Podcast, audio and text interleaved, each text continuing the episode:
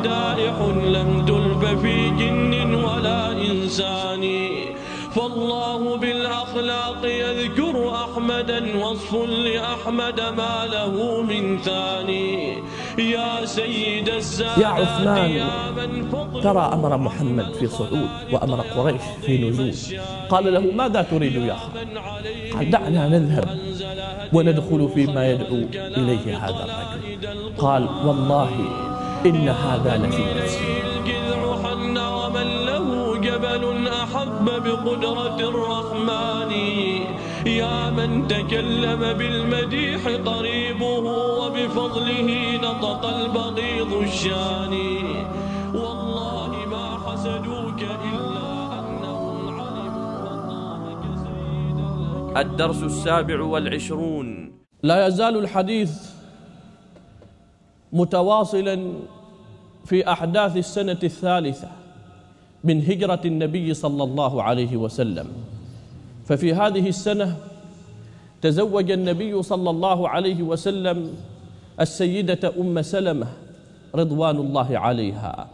هذه المرأة المجاهدة التي بذلت الغالي والنفيس في سبيل نصرة هذا الدين والدفاع عن النبي صلى الله عليه وسلم.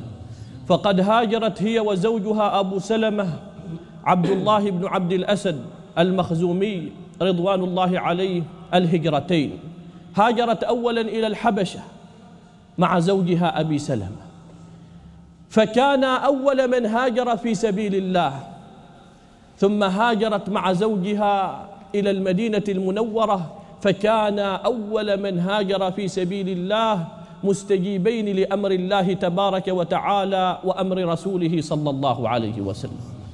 وكانت العلاقة بينها وبين زوجها العظيم السيد أبي سلمة رضوان الله عليه علاقة عظيمة قائمة على الإيمان قائمة على التقوى.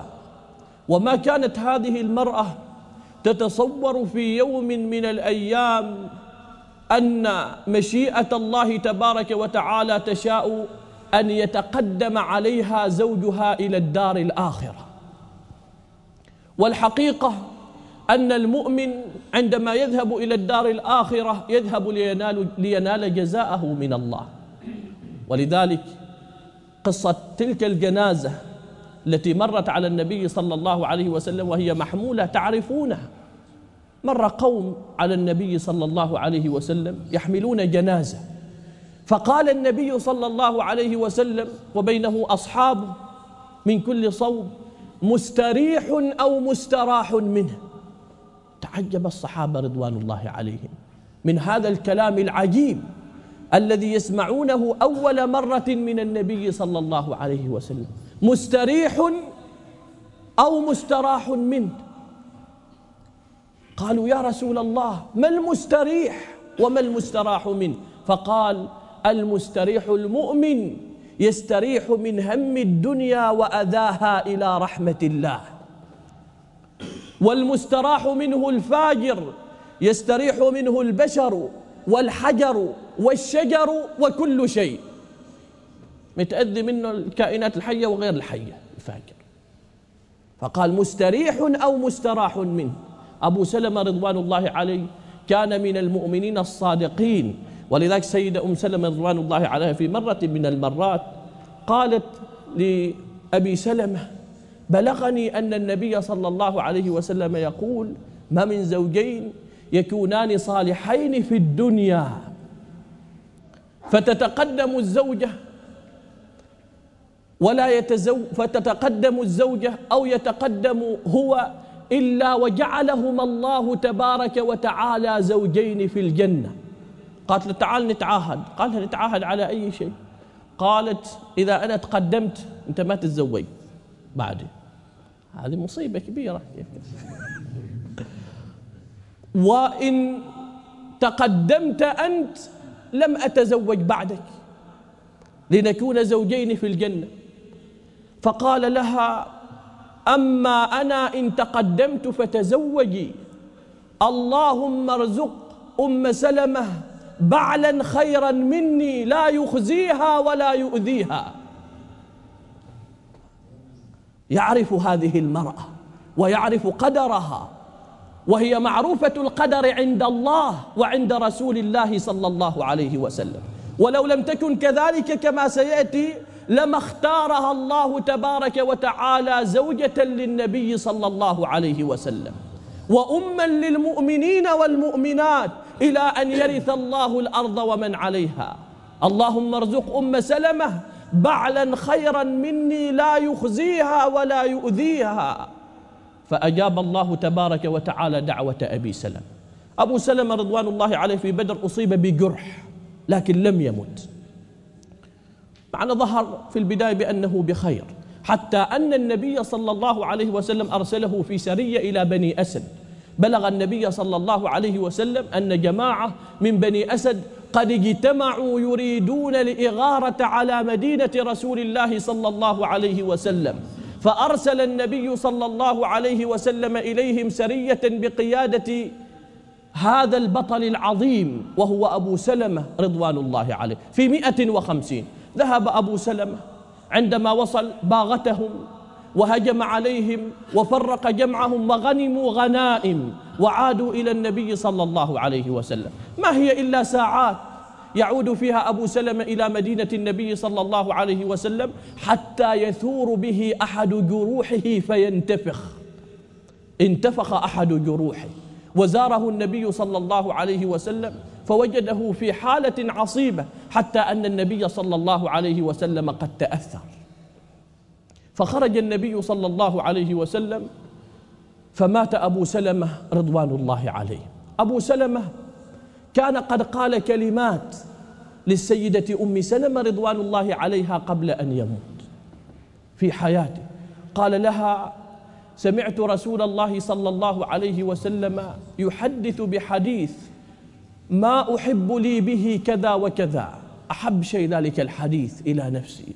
سمعت النبي صلى الله عليه وسلم يقول ما تصيب أحدا مصيبة فيسترجع عند الله فيسترجع عند الله ثم يقول اللهم اللهم إني أحتسب مصيبتي هذه عندك.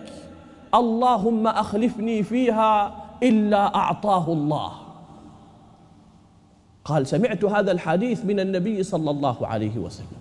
سيدة أم سلمة رضوان الله عليها بعد أن مات أبو سلمة تذكرت هذه الكلمات التي سمعتها من زوجها أبي سلمة يرويها عن النبي صلى الله عليه وسلم. فقالت اللهم إني أحتسب مصيبتي هذه عندك.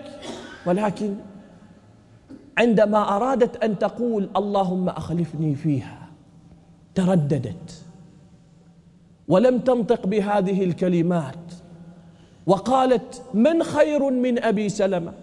لو دعيت وقلت اللهم أخلفني فيها في هذه المصيبة اللهم أخلفني في أبي سلمة من خير من أبي سلمة؟ من الرجال الذين كانوا حول النبي صلى الله عليه وسلم. من خير من أبي سلمة؟ رجل عرفته وعرفها. رجل عرفته وعرفها وحفظ لها حقها ودعا لها بدعوات وهو حي أن يرزقها الله تبارك وتعالى من لا يخزيها ولا يؤذيها. فمن خير من أبي سلم؟ ثم قالت بعد هذا التردد قالت لأنها سمعت هذه الكلمات من أبي سلمة يرويها عن من؟ يرويها عن النبي صلى الله عليه وسلم. فقالت وأخلفني فيها. فما إن انقضت عدتها إلا وأرسل النبي صلى الله عليه وسلم إليها من يخطبها للنبي صلى الله عليه وسلم. لقد اختارها الله تبارك وتعالى لتكون زوجة للنبي صلى الله عليه وسلم وأما للمؤمنين والمؤمنات إلى أن يرث الله الأرض ومن عليها بنص كتاب الله. النبي أولى بالمؤمنين من أنفسهم وأزواجه أمهاتهم وأزواجه أمهاتهم. فلما بلغها الأمر قالت للنبي صلى الله عليه وسلم في خلال ثلاث. أحسن خبرك قبل. في خلال ثلاث عندي ثلاث صفات. لا بد أن أخبرك عنها قبل أن يقع الزواج. فقالت له أما أما أنا كبيرة في السن امرأة كبيرة في السن يعني لم تكن صغيرة في السن. أما أنا فامرأة كبيرة في السن.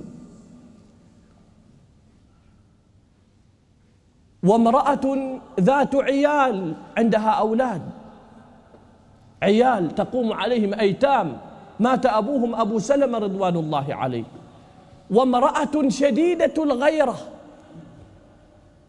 والنبي صلى الله عليه وسلم له زوجات غير السيدة أم سلمة رضوان الله عليه. عنده عائشة أم المؤمنين. وعنده غيرها عنده سودة بنت زمعة رضوان الله عليها. عنده غيرها. قالت امرأة شديدة الغيرة. فقال النبي صلى الله عليه وسلم مجيبا لها عن هذه الخ... مجيبا لها على هذه الخلال الثلاث أو الصفات الثلاث. قال لها أما أنا فأكبر منك. إن كنت أنت كبيرة فأنا أكبر منك. وأما العيال فأمرهم إلى الله.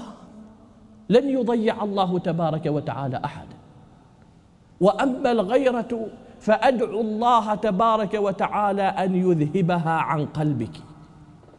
فكانت هذه المرأة العظيمة من أعظم نساء النبي صلى الله عليه وسلم.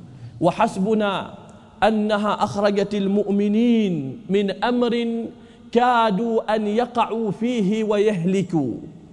في الحديبية لما وقع الصلح بين النبي صلى الله عليه وسلم وبين قريش وقع الصلح. فقال النبي صلى الله عليه وسلم للناس قال لهم احلقوا رؤوسكم وانحروا هديكم. قالوا لا لا.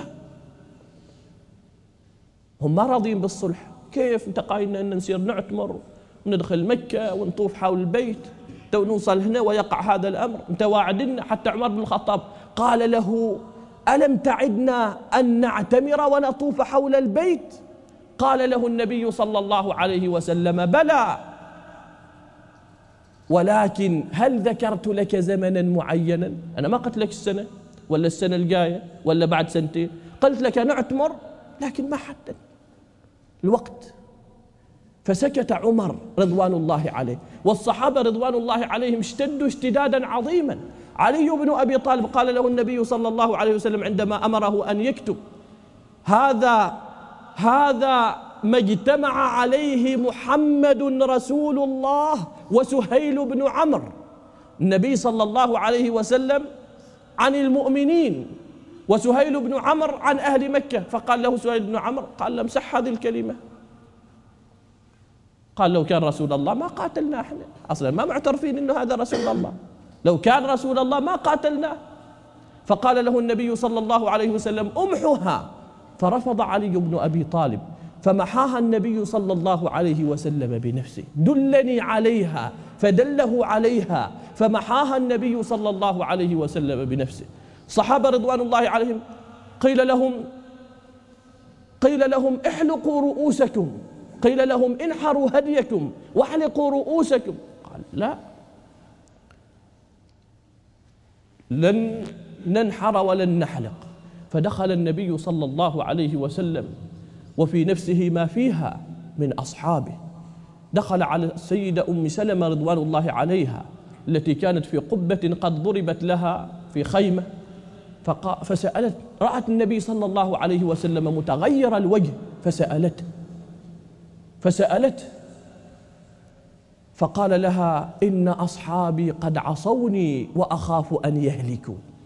عصيان النبي صلى الله عليه وسلم ليس أمرا هينا. الصحابة رضوان الله عليهم ما تعمدوا العصيان ولكن ظنوا أن ذلك الأمر لم يكن جازما من النبي صلى الله عليه وسلم. يمكن الأمر يتغير ولكن وما كان لمؤمن ولا مؤمنة إذا قضى الله ورسوله أمرا أن يكون لهم الخيرة من أمرهم.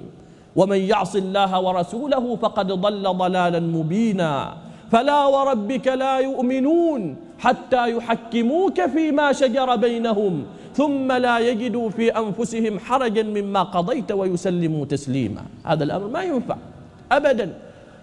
فقالت السيدة أم سلمة رضوان الله عليها يا رسول الله أخرج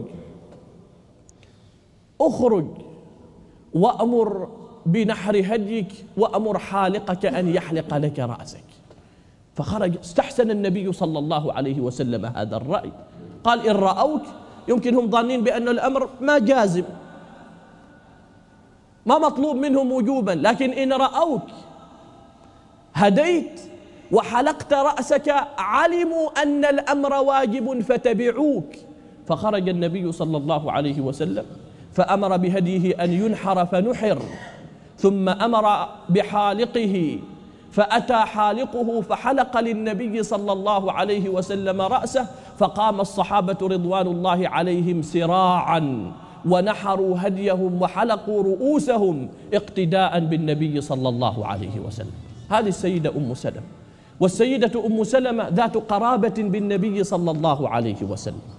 سيدة أم سلمة ذات قرابة وزوجها أبو سلمة ذو قرابة بالنبي صلى الله عليه وسلم فأبو سلمة هو ابن عمة النبي صلى الله عليه وسلم أمه برة بنت عبد المطلب أخت والد النبي صلى الله عليه وسلم وأبو سلمة أخو النبي صلى الله أخو النبي صلى الله عليه وسلم من الرضاع النبي صلى الله عليه وسلم له إخوة من الرضاع في بني سعد له أخت وله أخ. وأخوه من الرضاع أيضا حمزة بن عبد المطلب وأخوه من الرضاع أبو سلمة عبد الله بن عبد الأسد فهؤلاء إخوة النبي صلى الله عليه وسلم من الرضاع. ولكن عندما مات حرص النبي صلى الله عليه وسلم على أن يؤدي الواجب تجاه هذا الرجل فيرعى أهله ويقوم بشأنهم والأمر الآخر وهو الأول أن الله تبارك وتعالى هو الذي أمره بذلك. أم سلمة رضوان الله عليها كان أبوها كريما ذا خلق. لذلك في, في, في تاريخ العرب يذكر زاد الركب يضرب به المثل في الكرم. زاد الركب. من زاد الركب؟ والد السيدة أم سلمة رضوان الله عليها. كان عندما يرحل ويذهب معه الناس لا يأخذ أحد من الناس طعاما ولا شرابا. وإنما يتكفل زاد الركب. والد السيدة أم سلمة رضوان الله عليها بطعامهم وشرابهم حتى يرجعوا. ولذلك معروف في تاريخ العرب بزاد الركب. فتزوجها النبي صلى الله عليه وسلم وماتت في السنة التاسعة والخمسين من هجرة النبي صلى الله عليه وسلم.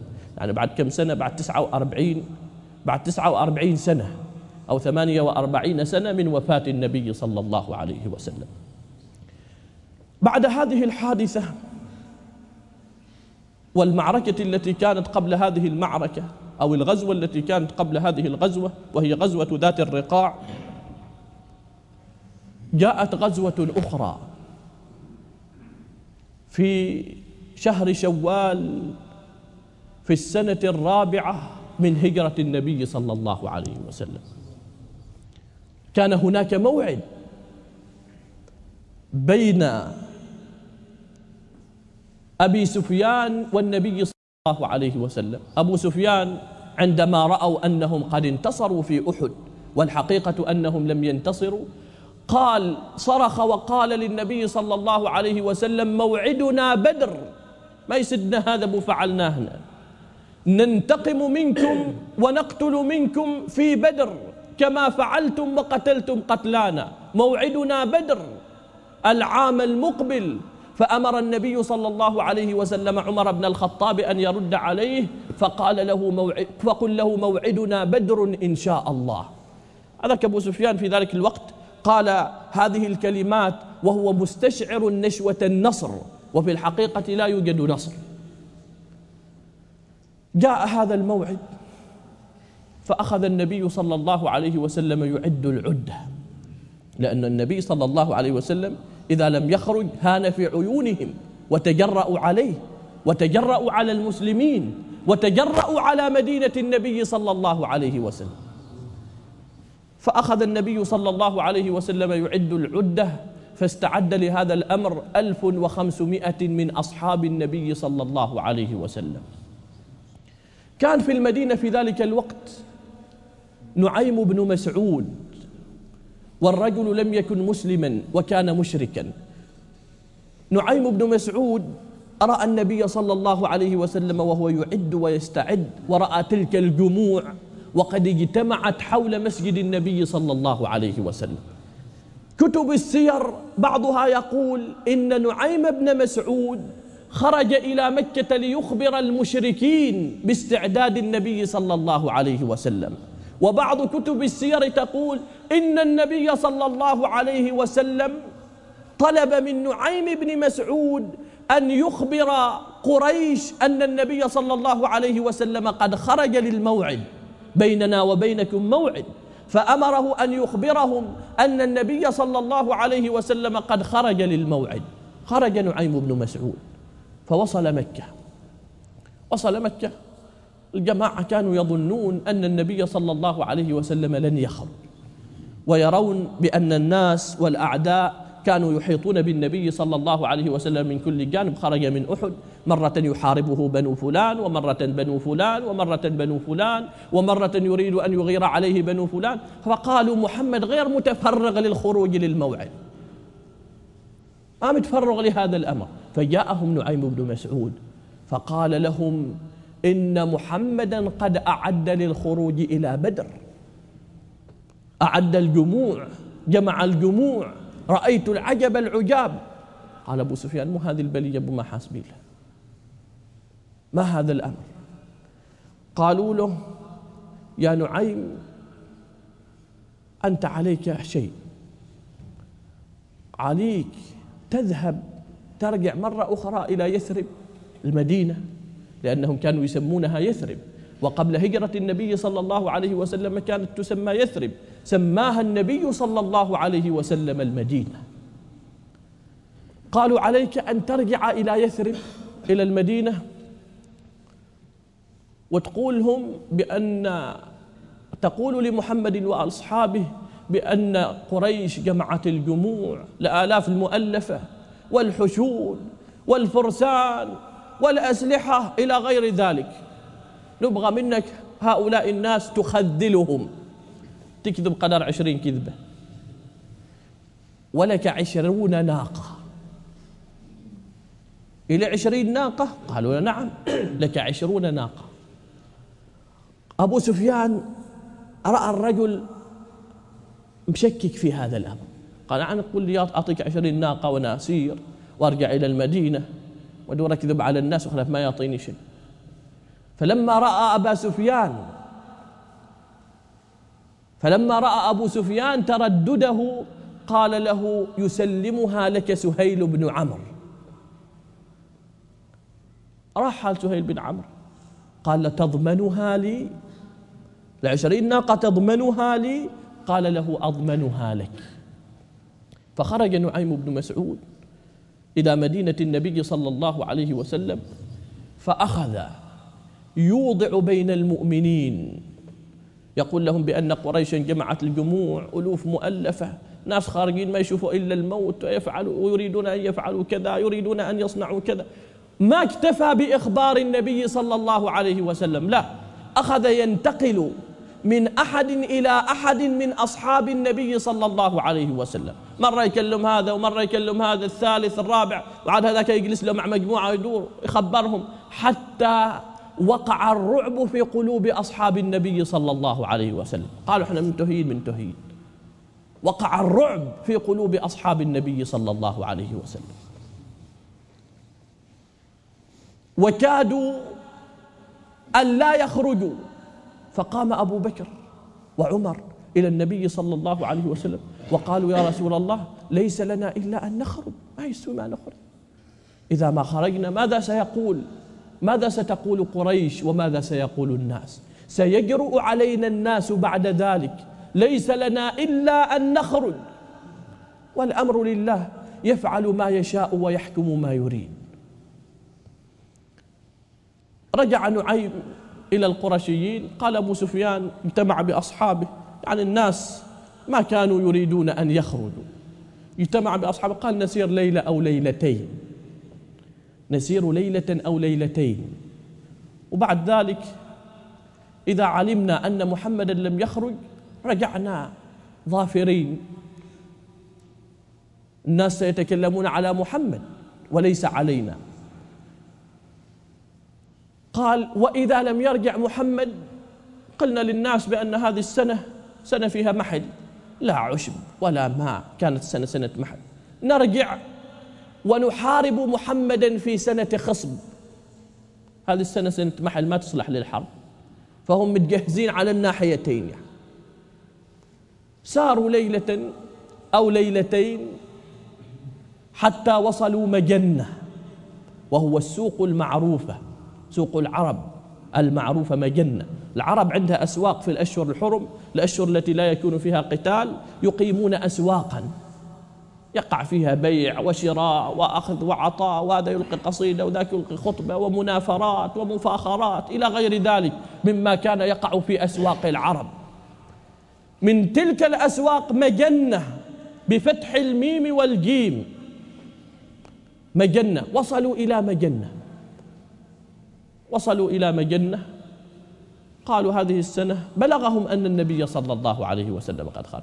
قالوا هذه السنة سنة محل ونحن نعود إلى محمد ونحاربه في سنة خصم. فرجعوا فسموا جيش السويق. يوم رجعوا داروا يضحكوا عليهم الناس في مكة. قالوا أنتم سايرين تاكلوا سويق هناك. هذا السويق مع القمح يخلط مع الماء أو يخلط مع السمن أو يخلط مع العسل يعني يخلط مع شيء من الإله قالوا كل واحد شال له معنا معنا كم قدر معين من السويق ذهب إلى هناك وأكله ورجع ولا ما سويتوا شيء؟ أنتم جيش السويق فأخذ الناس يضحكون عليهم ويعيرونهم. خرج النبي صلى الله عليه وسلم وخرج معه أصحابه كل ما مشوا خطوات جاهم واحد قال لهم قريش جمعت لكم الجموع.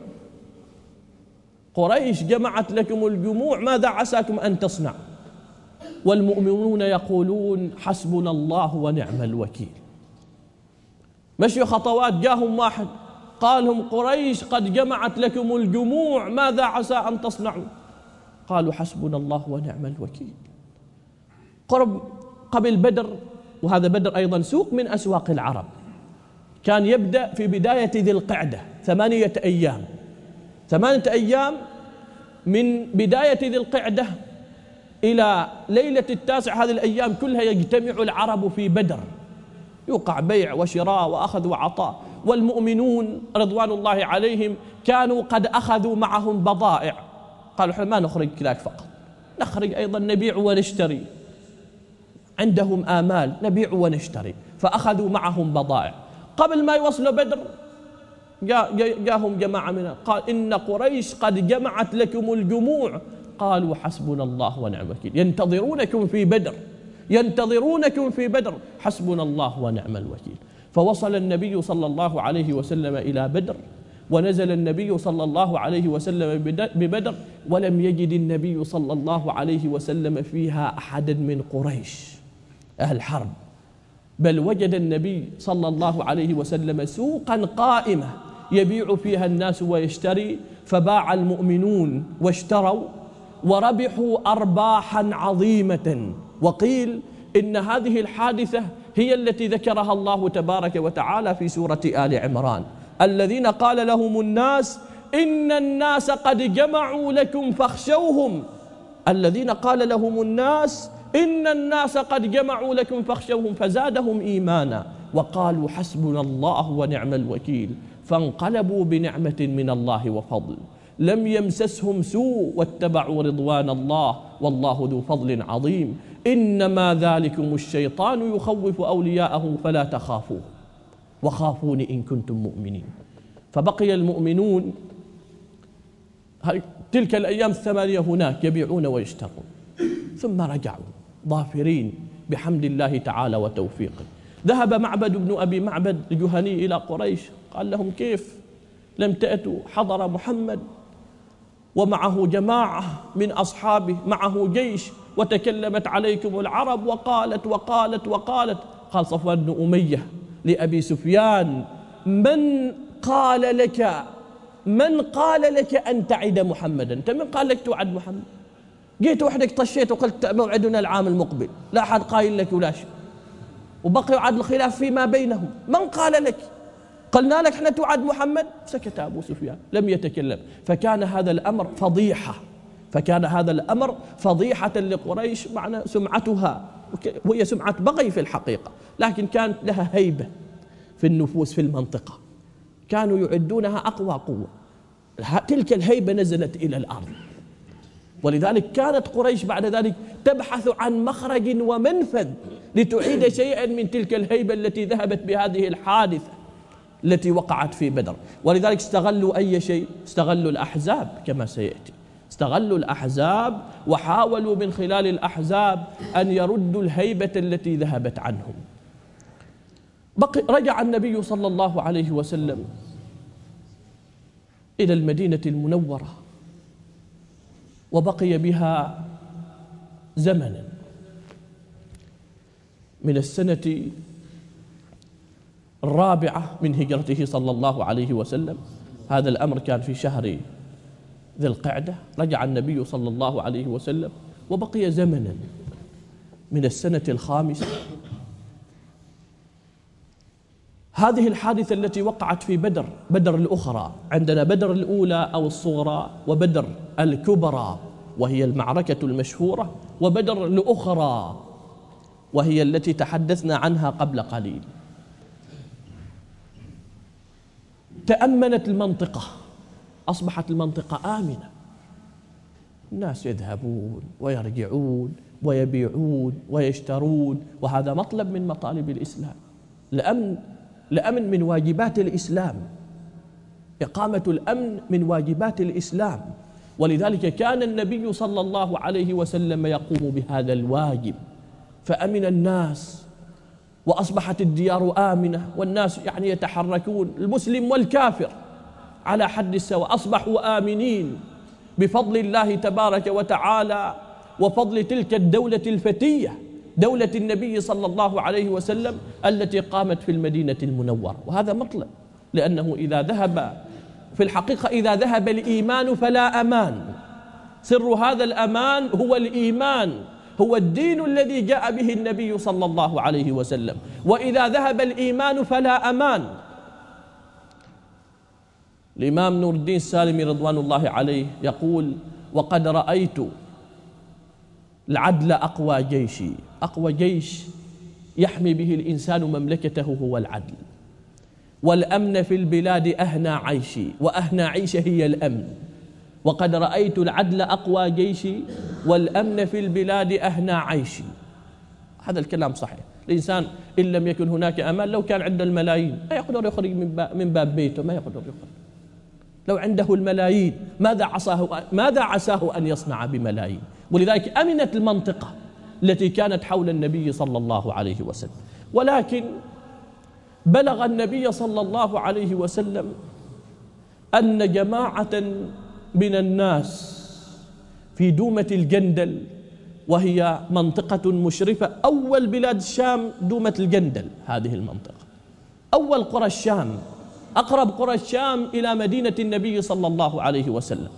يحتاج السائر 15 يوم إلى 16 يوم ليصل إلى هذه المنطقة طبعا بالحسابات السابقة هذا معنى سواء كان يسير على دابة أو يسير على رجليه يحتاج 15 إلى 16 يوم حتى يصل إلى دومة الجندل وهي أقرب مدن الشام إلى مدينة النبي صلى الله عليه وسلم. من دومة الجندل هذه المنطقة إلى دمشق بالحساب السابق أيضا مسير خمسة أيام إلى أربعة أيام. بلغ النبي صلى الله عليه وسلم أن جماعة من الناس قد اجتمعوا في دومة الجندل. أهل دومة الجندل ومعهم جماعة من الناس. ماذا يصنعون؟ يقطعون على الناس الطريق. ويسلبون ما عندهم من المال.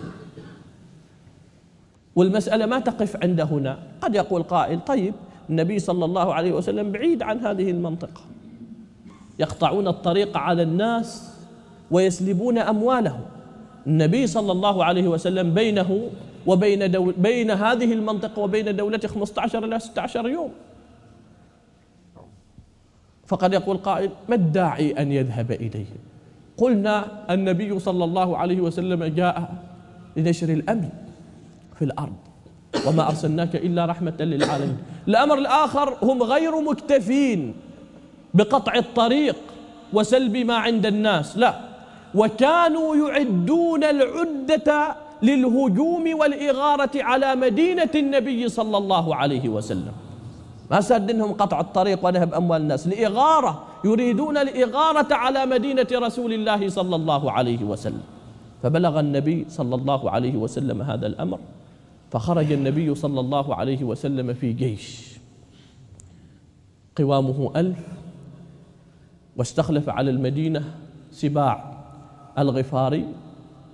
وسار النبي صلى الله عليه وسلم خطة النبي صلى الله عليه وسلم أخذ النبي صلى الله عليه وسلم دليلا معه دليل استأجر دليلا قال دلنا على الطريق. والظاهر أن النبي صلى الله عليه وسلم استأجر دليلا لأن النبي صلى الله عليه وسلم قصد سلوك طريق غير الطريق المسلوكة الطريق المسلوكة يعرفها النبي ويعرفها كثير من أصحاب النبي صلى الله عليه وسلم. لأن النبي صلى الله عليه وسلم ذهب إلى الشام مرتين قبل النبوة.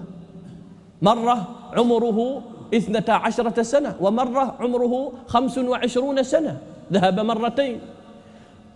النبي صلى الله عليه وسلم استأجر دليلا لأنه يريد أن يسلك طريقا غير مسلوكة فسار بهم الدليل. ما خطة النبي صلى الله عليه وسلم؟ كانت خطة النبي صلى الله عليه وسلم أنه يكمن نهارا ويسير ليلا. في النهار يكمن يتخفى هو والجيش حتى لا يراهم أحد فيصل خبرهم إلى أهل دومة الجندل ومن, حو ومن معهم ممن اجتمعوا هناك لفعل تلك الأفعال الثلاثة التي ذكرناها. ويسير في وقت الليل. حتى وصل النبي صلى الله عليه وسلم إليهم فباغتهم. باغتهم النبي صلى الله عليه وسلم. وصل إليهم فجأة. هم كانوا قد اجتمعوا خارج دومة الجندل. ففروا.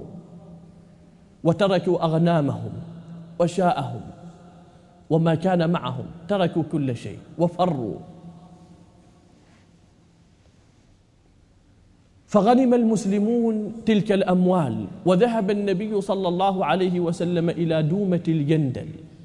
ذهب إلى دومة الجندل فوجدها خالية أيضا ووجد أحد الناس. قال أين أصحاب المكان؟ قال هربوا. أصحاب المكان هربوا بلغهم مجيئك فهربوا كفى الله المؤمنين القتال. فدعاه النبي صلى الله عليه وسلم إلى الإسلام فأسلم الرجل وهداه الله تبارك وتعالى. وأتي للنبي صلى الله عليه وسلم برجل من بني عبد القيس.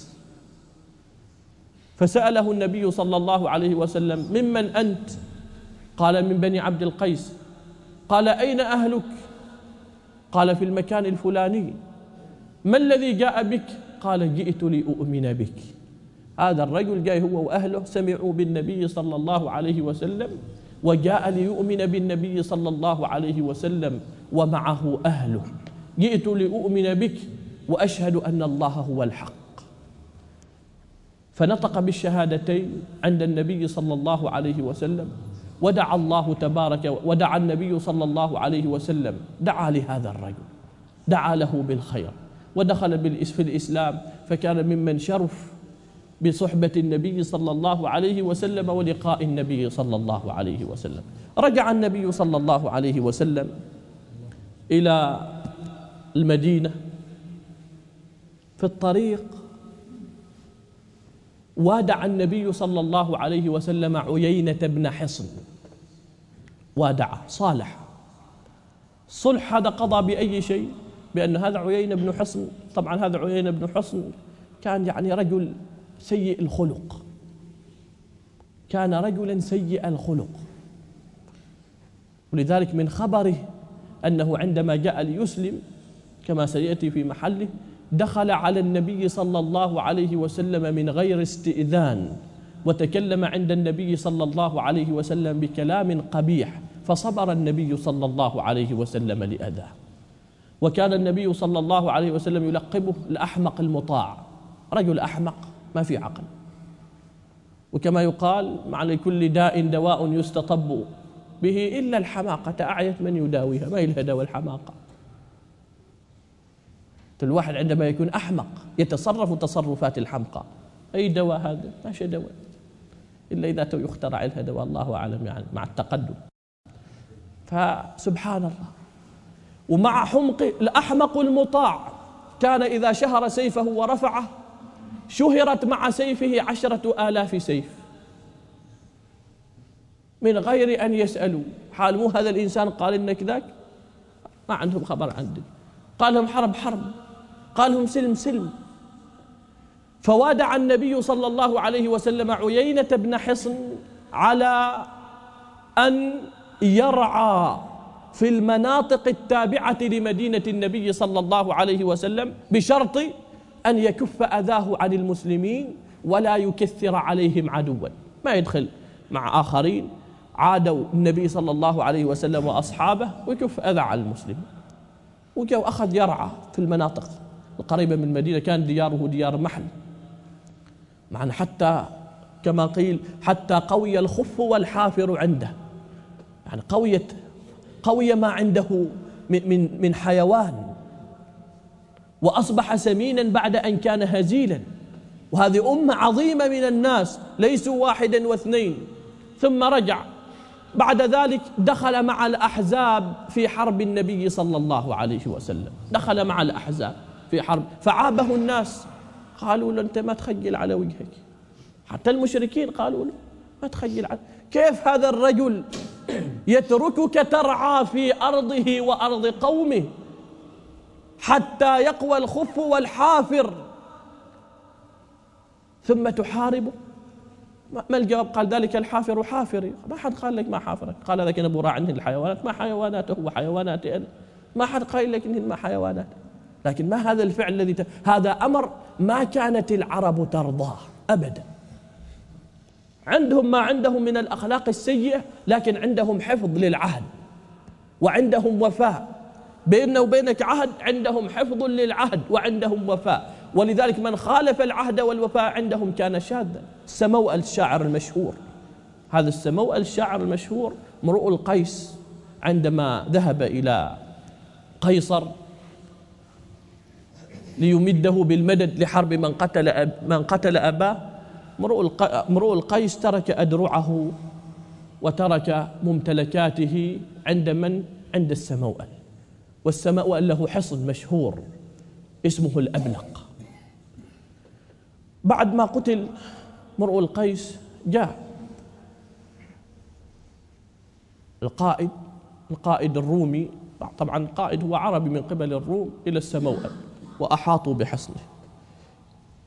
قالوا سلمنا ما تركه عندك امرؤ القيس. قال ما سلمكم كيف أسلمكم اختارني على من سواي. هذه بلاد العرب تارسة بالناس. اختارني على من سواي ليترك عندي ما عنده. كيف أسلمكم قالوا لسلمنا. قال لا ما سلمكم شيء وكان ولد السموأل لم يدخل إلى الحصن قبل أن يتحصن السموأل قالوا له عندنا ولدك. عندنا ولدك. نذبحه أمامك إن لم تسلمنا مال امرئ القيس. قال لا أسلمكم. فذبحوا ولده وهو ينظر. ولذا قال يعني عاد ذلك من مفاخره وفيت بأدرع الكندي إني إذا ما خان أقوام وفيت. ولذلك ماذا يقال؟ أوفى من السموأل في الأمثال العربية. كما يقال أكرم من حاتم يقال أوفى من السموأل. هذا هو خبر. عيينة بن حصن الذي فعله في حق النبي صلى الله عليه وسلم وفي حق أهل المدينة لم يكن مقبولا أبدا.